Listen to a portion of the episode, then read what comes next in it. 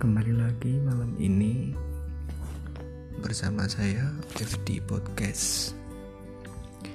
Uh, kali ini akan bercerita tentang perspektif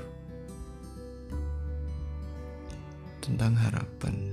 Uh, kalau dari sudut pandang saya, harapan sendiri adalah sesuatu keinginan atau sesuatu yang ada di pikiran yang harus kita berusaha untuk mewujudkannya dengan cara-cara yang kita lakukan untuk mencapai ke sana.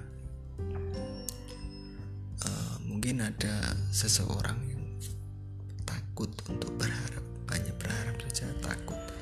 Uh, tapi semua orang itu mempunyai kesempatan yang sama tentang suatu harapan.